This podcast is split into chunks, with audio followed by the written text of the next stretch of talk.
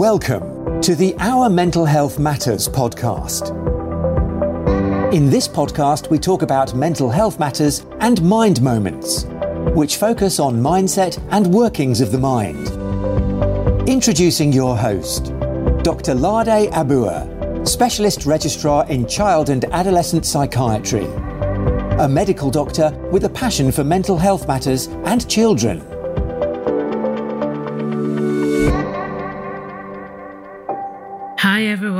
Lade here. Welcome to our Mental Health Matters podcast. Um, today I will be talking about useful tips in helping loved ones and carers or individuals with autism. I will really refer to autism as ASD sometimes. They're both the same thing. ASD is the full name, which is autism spectrum disorder. Um, so I will start from you know the diagnosis point. Uh, the last episode I talked about the d- different criteria and uh, the three um, main things that we te- we see in autism and the varying degrees in which they present uh, in people that have autism. So we'll start off with uh, the diagnosis in general. You, usually, it involves a multidisciplinary team where there's several professionals. And uh, a lot of steps and a lot of things have to be done uh, in order to come to the diagnosis. It's not just a, a one one off um, thing where you know you would sit down and it, it, it all ends there. So um and often it starts off with you know taking a, a detailed history a detailed developmental history of the person from the very early years. If you recall from the last episode, I talked about having having to have seen some of those symptoms from you know the age of three. So the comprehensive ass- assessment starts from that, where we will sit down and talk about all um, that's happened from the early years, and then um, all that will be taken into consideration. Will focus on those three things you know focus on their social communication skills um, and all the, the the you know symptoms and the occurrences that happen in autism. Also the intellectual abilities will be taken into consideration as well as the current difficulties, because this is where, you know, the interventions will be tailored towards what is that particular person or individual um, struggling with. What are they finding um, is impacting on their daily life at the moment? That's where, you know, the intervention will be based. That's where the help, you know, will be focused on in terms of the strategies that will be developed. And also there will be medical assessments, there will be psychological assessments, some and, and then also observing the person, that's the child of a loved one in different settings, you know, as as we said, you know, it, it involves a lot of social and communication difficulties. So all of that are observed and noted when, you know, the assessments are carried out. And um, yeah, following that, there's usually the multidisciplinary team meeting, or you know, where all of that is considered, and you know, the the, and then you we get to the point where a diagnosis is made.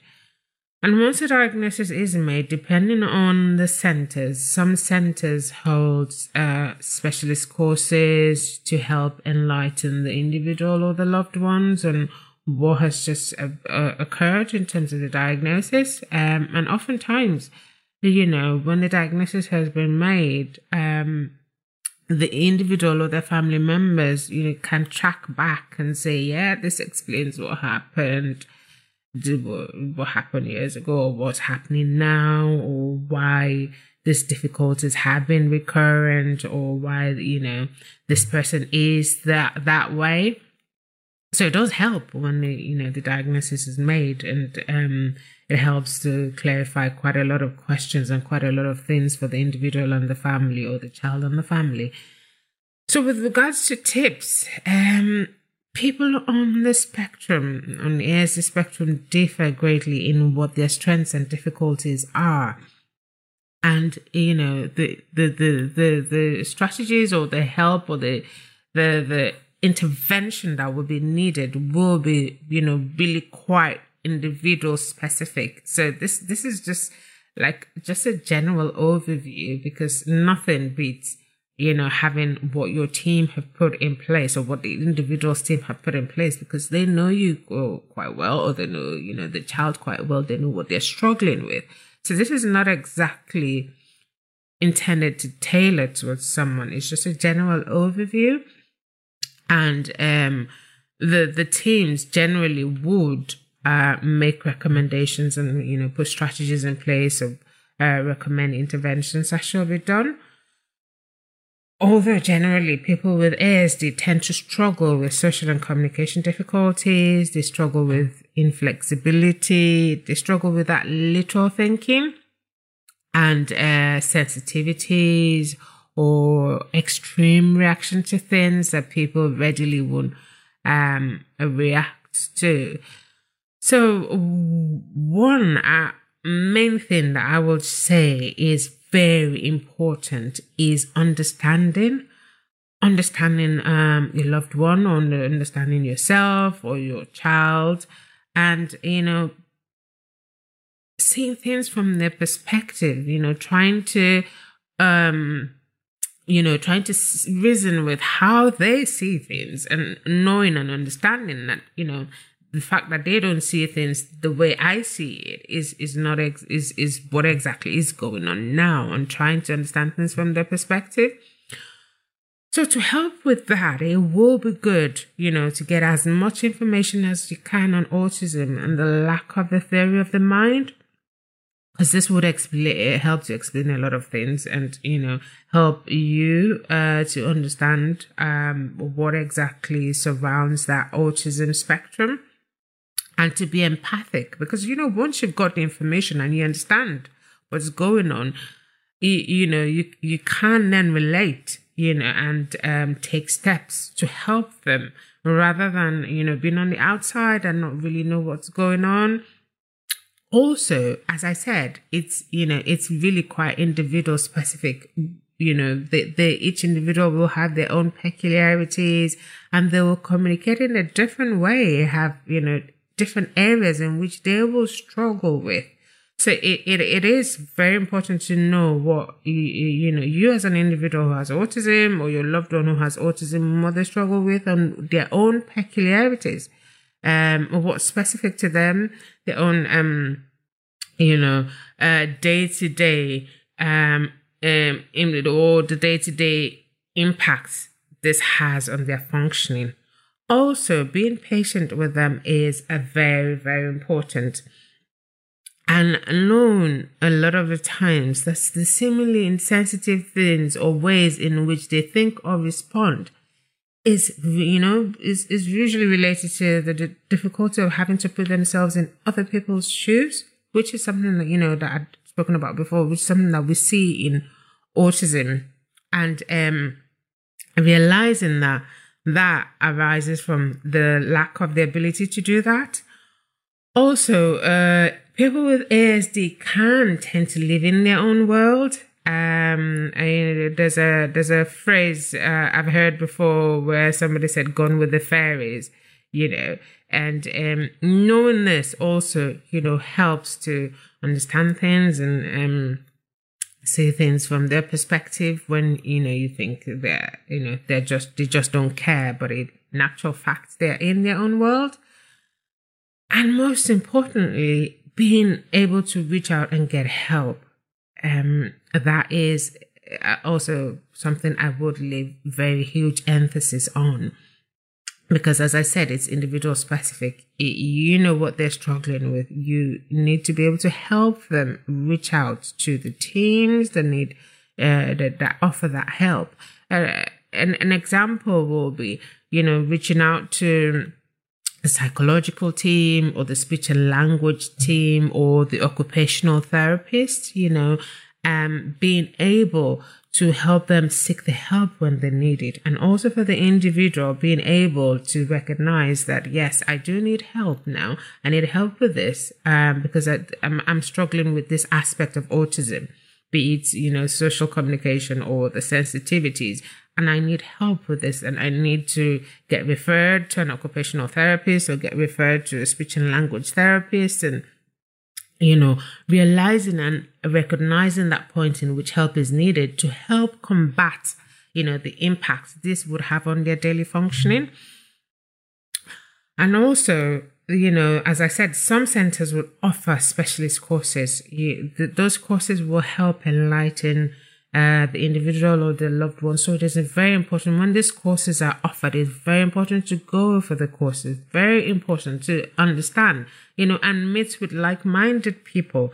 Another point will be, you know, joining carers groups to network with others, you know, who have ASD or uh, loved ones with ASD, because um, you know, it, it is comforting sometimes when you know that uh, it's not just you going through it or it's not just your you know your you know it's not just your family uh, going through it. It can be comforting when you see other people of like minds you know going through the same thing.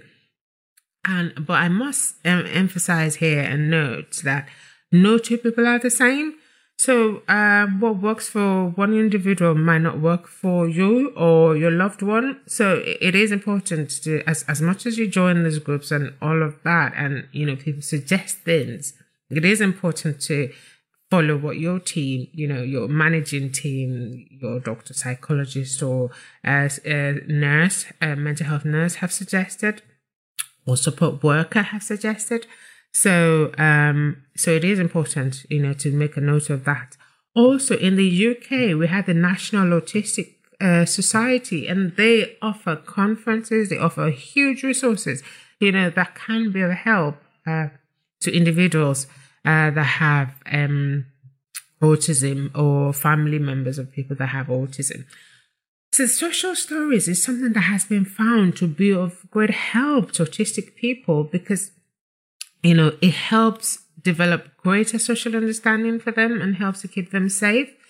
So, social stories essentially the, the descriptions of situations, events, or activities that have specific information about what to expect in a particular in a particular situation and why this is so.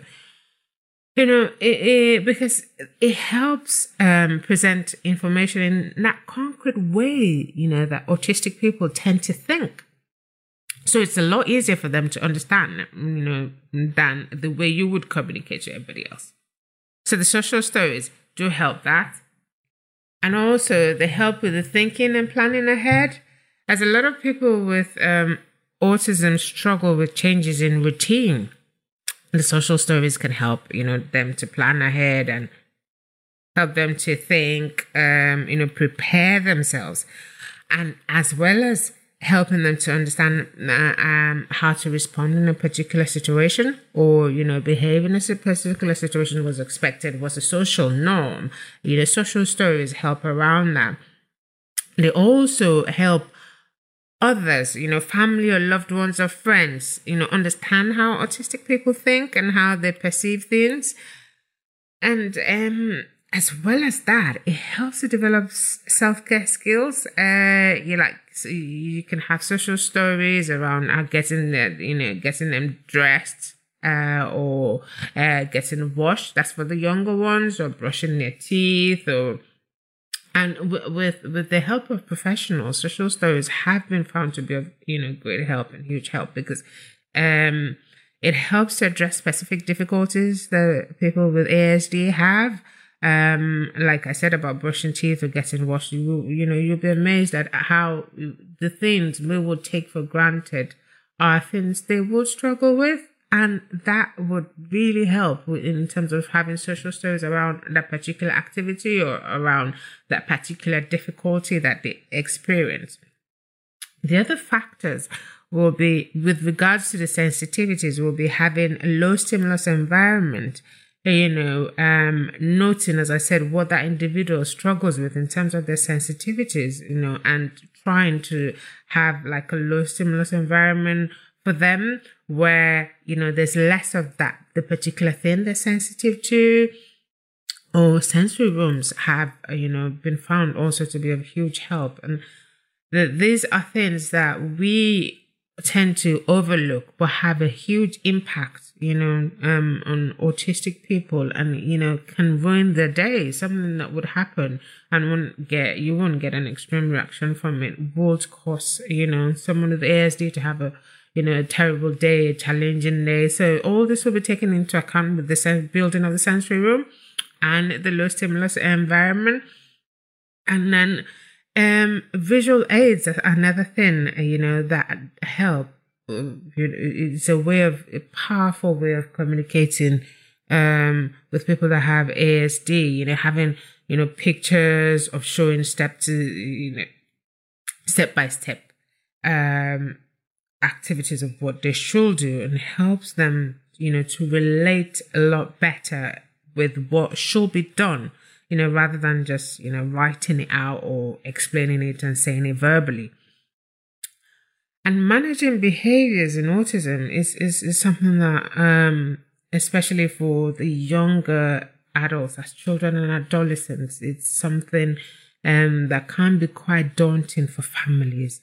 And with this, it, it is very important to seek professional help because uh, the professionals will be able to manage you know, they, they'll, be, they'll be able to come in have a look at the behaviors, do formulations, do assessments, and um, come up with strategies to help you and your loved ones, and you know, look at this this difficulty in uh, in and of itself, and make recommendations. So, with challenging behaviors, I would say seek help um, for yourself or loved ones, and it is important when the strategies and uh, recommendations are made to follow them to the latter because they have made the assessments, they have made the formulations, and they come up, they've come up, you know, with this strategy. So it is very important to follow them to the latter and put what they have suggested in place, you know, to help yourself or your loved ones. And also with emotional and com- uh, communication difficulties, which is also quite common uh, with autism and is specific. It, it, it, it is essential that there is help that is developed around that individual.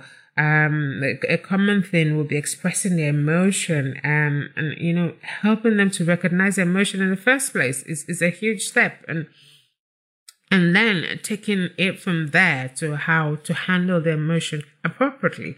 Also, communication, which is something that autistic people tend to struggle with quite, you know, frequently. So that needs to be taken into consideration as well. Looking at their patterns of communication, looking at how, you know, you can help them to communicate better, you know, with the visual aids, with the social stories, with, you know, that would help them, you know, see how people will perceive things and how they, you know, can uh, relate to people when in, you know, different circumstances. So that would really help. And uh, as I said, there are specialist courses organized by different centers uh, around in, in, the UK and around the world as well. And the, these courses are, uh, you know, tailored to autism and tailored to enlighten people on, you know, the, the, the characteristics and what to expect and what can happen and, you know, how they can help. And also, these courses will now highlight you know the the services that are available in, in in that particular area because different areas have different services different areas have different teams different areas have different specialists. So when those courses are held it's important to go for them so you can have an idea of what services are available to yourself or your loved ones when those difficulties are encountered you know so you can think and go yeah no so this is the time to go back and seek the service this is the time to have this put in place you know, so it's important. Uh, I'll just re-emphasize what I've said. Uh, it's important, you know, to seek help. Very important, and then to implement what's been suggested or what's been recommended to the latter, because teams have come in and you know made recommendations and have assessed current difficulties. So uh, important to follow them. Important also to know that the difficulties are individual specific, you know. Uh, important also uh, to go for carers meetings or carers groups, go for courses, you know, seek resources from uh, the National Autistic Society, seek resources from the Royal College of Psychiatrists. Um, websites. They have quite a bit of resources as well. And also there are uh, charities. There are, you know, some groups in local areas as well where there's support for people with autism, there's support for families of people with autism, and they also organize, you know, specialists, um, they organize not not specialists, but they organize some activities, you know, like maybe play groups or weekend aways. And it's good to, you know, to go for those and they will help. Um so with that, I've, I've, I've come to the end of this episode. I hope I have been able to give you a few tips. I haven't gone into full details because they are quite individual specific, but I've just given a general overview of what, you know, to expect and what can be obtained and where you can look for them. Um, and with that, I've come to the end of the uh, episode. Uh, thank you for listening. And I do, um, and remember, empower your mind, empower your life. Goodbye. Thanks for listening to the Our Mental Health Matters podcast. You can follow me on Twitter at Omaledamaka. Until next time, empower your mind, empower your life. Bye.